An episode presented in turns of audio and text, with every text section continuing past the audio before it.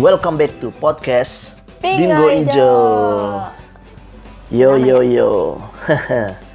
Jadi episode kali ini kita punya segmen khusus ya. Apa coba? Apa apa emang? Ya segmen khusus. Jadi episode ini kita punya segmen baru. Segmen itu namanya adalah Osi Quote. Oshi quote. Quote, ya. Wow. Osi Quote. Yang dibahas cuman quote-nya Oshi kita. Quote Osi aja. Jadi maksudnya enggak enggak Osi kita aja. Mungkin sebenarnya kamu kan punya osinya tertentu. Kalau aku kan aku osi, Oh. osinya banyak. Ya sebutlah ini mewakili mewakili para haku osi lah ya. Oke. Masing-masing osi siapa aja banyak osi. Intinya sih sebenarnya ini member-member yang kita kutip quote-nya Dari dari Twitter. Kan Twitter. mereka paling aktif di Twitter kan.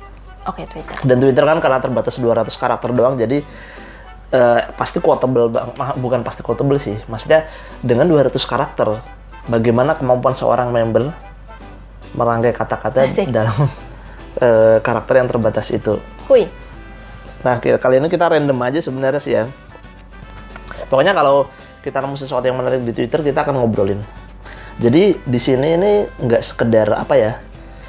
Selain kita ngebahas apa yang diomongin sama tweet sama di tweet sama si member itu, apa yang diomongin, apa yang diungkapin, itu jadi ini gambarin kalau eh, kita tuh bisa dapat inspirasi atau spark atau ide gagasan muncul di kepala kita ketika kita baca Twitter dari member. Mas. Coba. Iya, gimana coba kita menggali itu. Coba, Mari kita coba, menggali. coba. Dari siapa dulu kali ini? Siapa nih? Episode kali ini kita akan mengambil tweet dari Baby Cesara Anadila. Aduh, belibet ngomongnya. Baby, Cesara Anadila. Sarah Anadila. Anadila. Kapten kita. Oke. yang Kapten sebentar lagi, JKT. sebentar lagi akan grade. Yeah. Oke, apa? Kebetulan dia tuh emang kalau ngetik tuh sering kalimatnya suka menarik sih, Baby itu. Mungkin karena latar belakangnya psikolog, Psikologi. gitu juga ya? Gi- Psikologi ya. psikologi kan. Baby, Gaby. Baby Gaby. Oke. Apa nih? Nah, Baby ini- ngomong- Baby nge-tweet apa nih?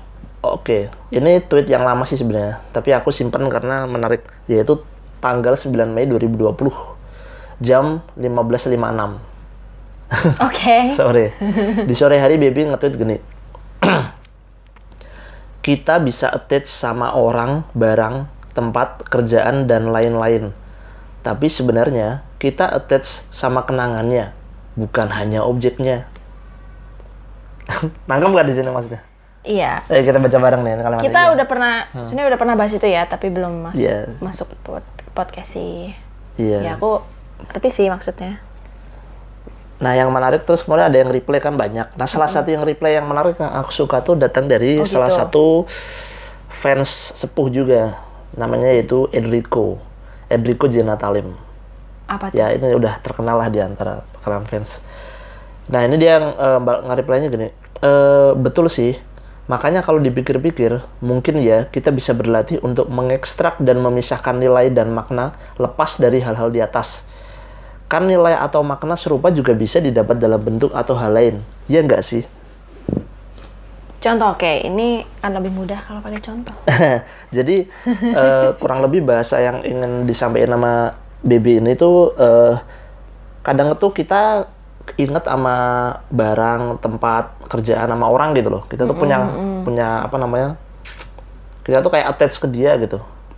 Oh kalau si eh, Joni nih, ini dia tuh suka eh, kentut sembarangan.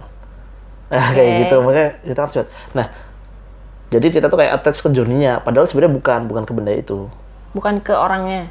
Mm-mm, bukan ke objeknya, tapi ke kenangannya. Oke. Kenangannya. Jadi, nah kalau sama Enrico, dia bilang kita harus bisa memisahkan nilai dan makna lepas dari hal-hal di atas. Artinya tuh kayak eh, ini tuh sebenarnya prinsip hidup minimalisme. Jadi gimana kita bisa misahin makna dan eh, benda yang melekat pada makna itu. Jadi contohnya sebenarnya contohnya gini. Kan kamu pernah nonton ininya Raditya Dika kan? Mm-mm. Nah, iya. Ya gimana tuh? Di Yang- vlognya ya. Dia pernah bahas dia minimalisme itu kan? punya gitar kesayangan. Oke. Punya gitar kesayangan. Terus akhirnya dengan segala macam pertimbangan dia jual. Dia- tapi sebelum dijual tuh difoto dulu. Oke. Difoto dulu, habis itu dijual. Toh sebenarnya gitar itu tuh sebenarnya kayak di- jarang dipakai gitu. Ya dipajang aja cuman ya itu gitar kesayangan gitu. Akhirnya difoto terus dijual. Jadi kalau dia pengen nge- ya kangen lah sama gitar itu atau pengen ingat terus ya tinggal lihat fotonya aja sebenarnya gitu. Ya dia mikirnya kayak gitu. Nah, itu sebenarnya sejalan sama apa yang diomongin sama Bibi itu tadi di atas sebenarnya. Kadang-kadang kita tuh sebenarnya tuh attach-nya bukan ke benda itu tapi ke maknanya. Kekenangannya. Ceritanya gitu apa di balik si Iya, gitar benar itu. sekali. Jadi itu salah satu cara hidup minimalisme yang wah ada suara tukang Oh, tukang siomay, iklan. tukang siomay lewat. Nggak apa-apa lah ya biar terasa natural. Jadi em, itu tuh salah satu prinsip minimalisme di mana kita misahin makna sama objek. Nah, gara-gara kadang-kadang kan banyak orang melankolis ya, yang nyimpen barang-barang kenangannya, barang-barang zaman waktu kecil, hingga menumpuk di rumahnya dia. Dia itu punya sindrom hoarder namanya. Hoarder tuh orang yang suka menumpuk barang. Dan biasanya dia kenapa suka menumpuk barang? Karena kadang-kadang barang itu punya kenangan di dia. Mm-mm. Kalau di kut- kutub buku, orang-orang kutub buku itu namanya sundoku Hmm. di bahasa Jepang. Sundoku itu orang yang suka menumpuk buku. Jadi dia beli buku, beli buku kadang nggak eh, apa namanya, kadang-kadang dia beli buku itu karena kenangannya doang atau gimana atau dia baca terus nggak dibuang-buang, numpuk aja. Tapi sundoku level parah sih kadang dia beli buku tapi belum dibaca. Jadi cuma beli, beli, beli, beli gitu terus. Iya, itu kamu sih. ya aku salah satu orang yang teridentifikasi sundoku. Nah, untuk ngadepin orang-orang sindrom hoarder sama sundoku itu kan kadang dilatih kita harus mikirin eh, antara makna dan objek itu. Kita harus bisa misahin. Hmm. Nah, ketika kita berhasil misahin makna dan objek, kita bisa eh, mengikhlaskan kalau benda itu hilang. Bukan hilang kali ya, tapi Iya, ya maksudnya- entah berpindah tangan atau Iya, berpindah tangan. Maksudnya kita tuh udah bisa merelakan benda itu kalau suatu hari kita perlu ngebuangnya atau ngasih ke orang lain yang lebih butuhin. Kayak gitarnya Raditya Dika tadi yang kamu ceritain kan. Dia tuh gitar pertamanya dia kenangannya kan gitu. Mm. Numpuk tuh menemuin barang di rumah kan. Akhirnya dia cara dia biar dia tetap bisa stay sama kenangannya dia foto. Terus gitarnya dia apa dijual ya?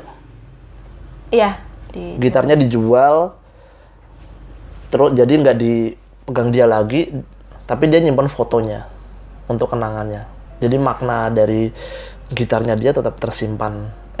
Kalau misal dia kangen pengen lihat lagi gitarnya tinggal lihat fotonya terus nanti kenangan itu akan muncul lagi. Jadi kayak kenangannya biar melekat ke dirinya si kita aja gitu. Bendanya tidak harus kita selalu simpan.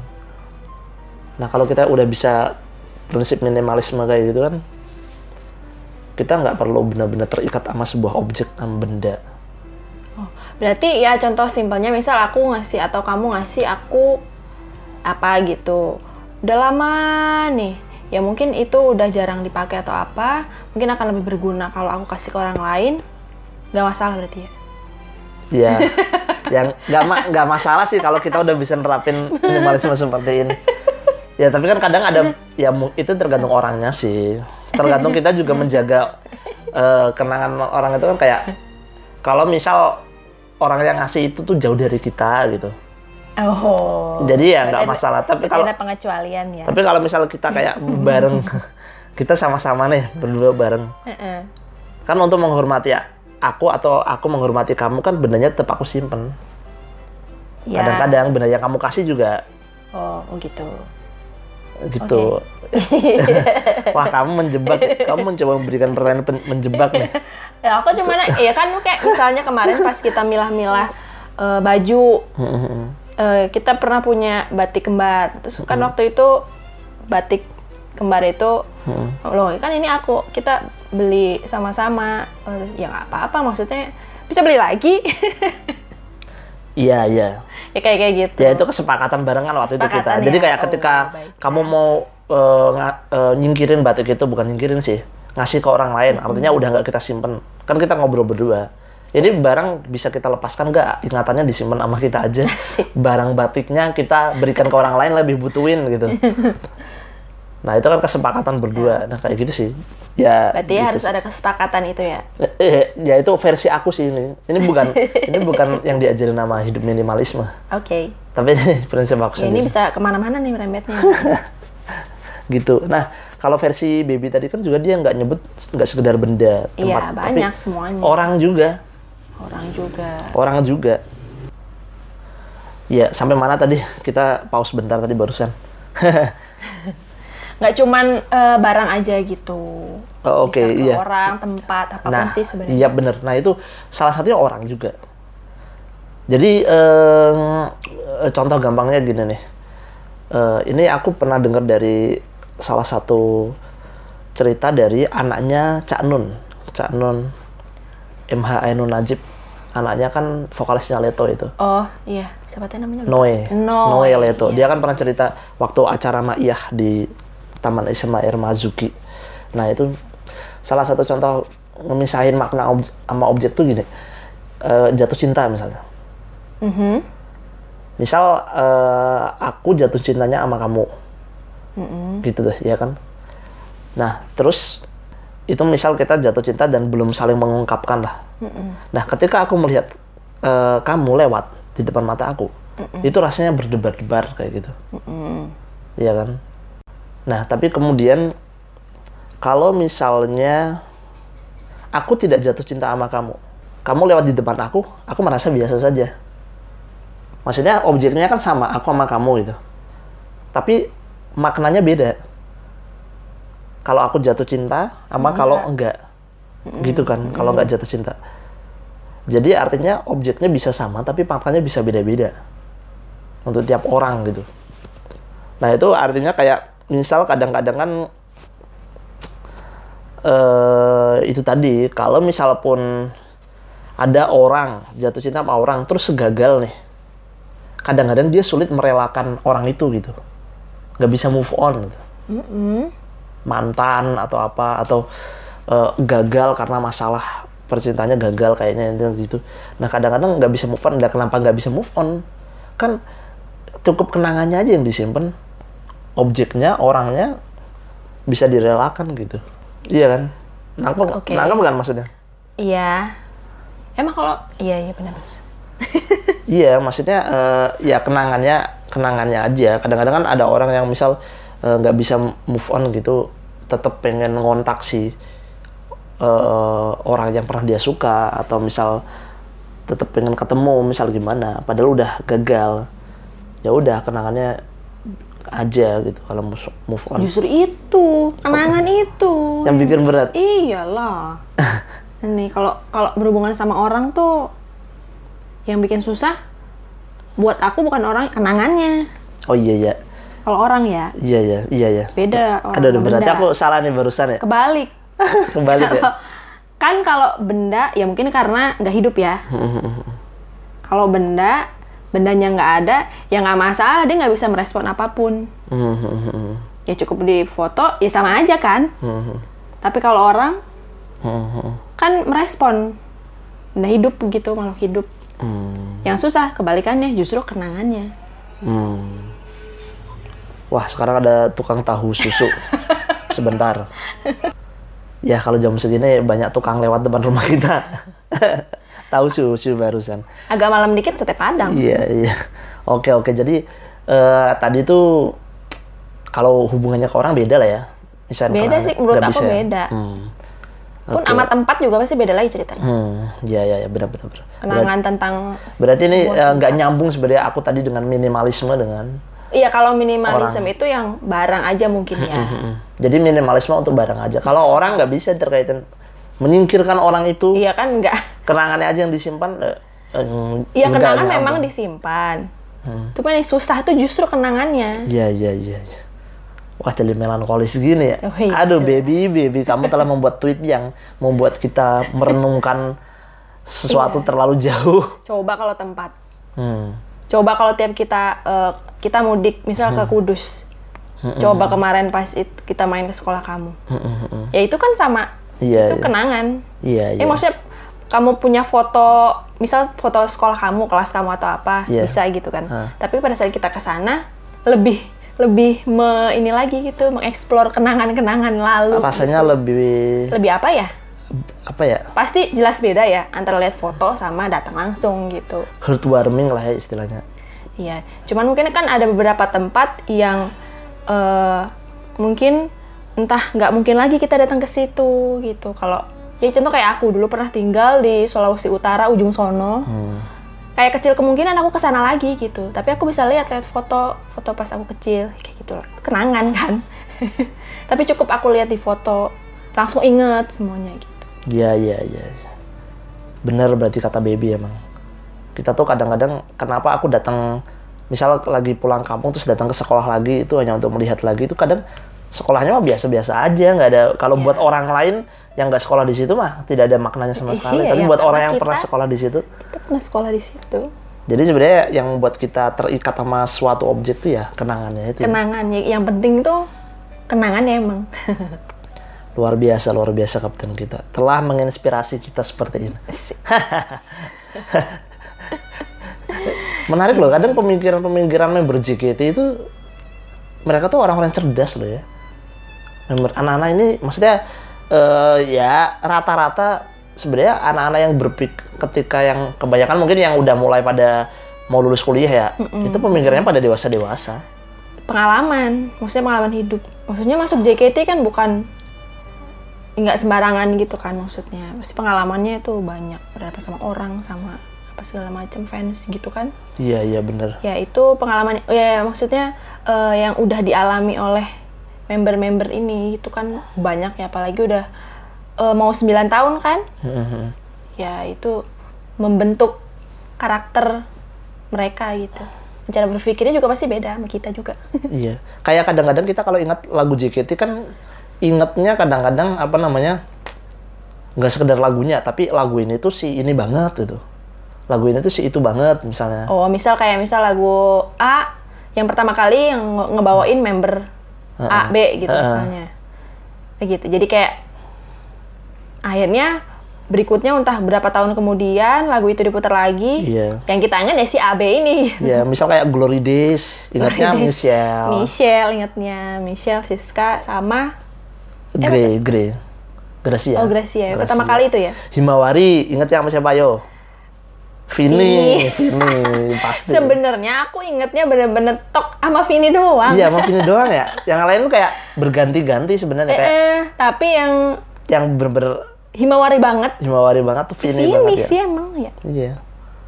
Nah itu kayak gitu tadi. Ya, yang nempel lah itu nempel banget ya kayak Kagami ya Kinal. Iya. Jadi mau itu Himawari dibawain sama siapa pun Siapa sampai sekarang nanti aja. tetap yang terbayang di juga. kepala ya. Vini. Ya Vini. Ya itu ke- keberuntungan, eh bukan keberuntungan sih. Kalau jadi member-member pionir mah pasti akan selalu diingat itu bangga, kebanggaan tersendiri sih. Iya. Makanya kayak SNM, ya kalau kita ngomongin SNM kita ingat ya tim Fresh Pitch. Iya, jelas. Walaupun nanti SNM dibawain nama tim tim yang Pasti baru. nanti misal udah dibawain tim yang baru nih. Heeh. Pasti kalau kita nonton yang pertama kita inget tuh yang lah yang sebelumnya pasti. itu salah satu yang pasti bakal selalu diingat tim T lah. Maksudnya, maksudnya tim T Fresh Pitch mereka pernah bu- akhirnya membawakan set original SNM Iya. itu satu. Ya pionirnya SNM ya tim T si tim T Fresh waktu itu. Peach. Iya. Ya udah kayaknya ka- kalau segmen Aussie Quote kita singkat aja lah ya. Oke, Kayak gini aja. Kayaknya Baby udah cukup mencerahkan kita tentang hidup minimalisme. Khusus barang ya. Bukan sekedar hidup minimalisme sih. Salah sih. Kayaknya temanya jangan. Kayaknya, uh -uh. Jadi soalnya itu cuma khusus barang doang kalau. Jadi eh, gini mungkin eh, Baby menginspirasi kita tentang eh, makna sebuah objek. makna sebuah. Asik makna sebuah objek. Oke ya. Oke. Siap. Oke. Thank you Baby. Bye. Thank you semuanya.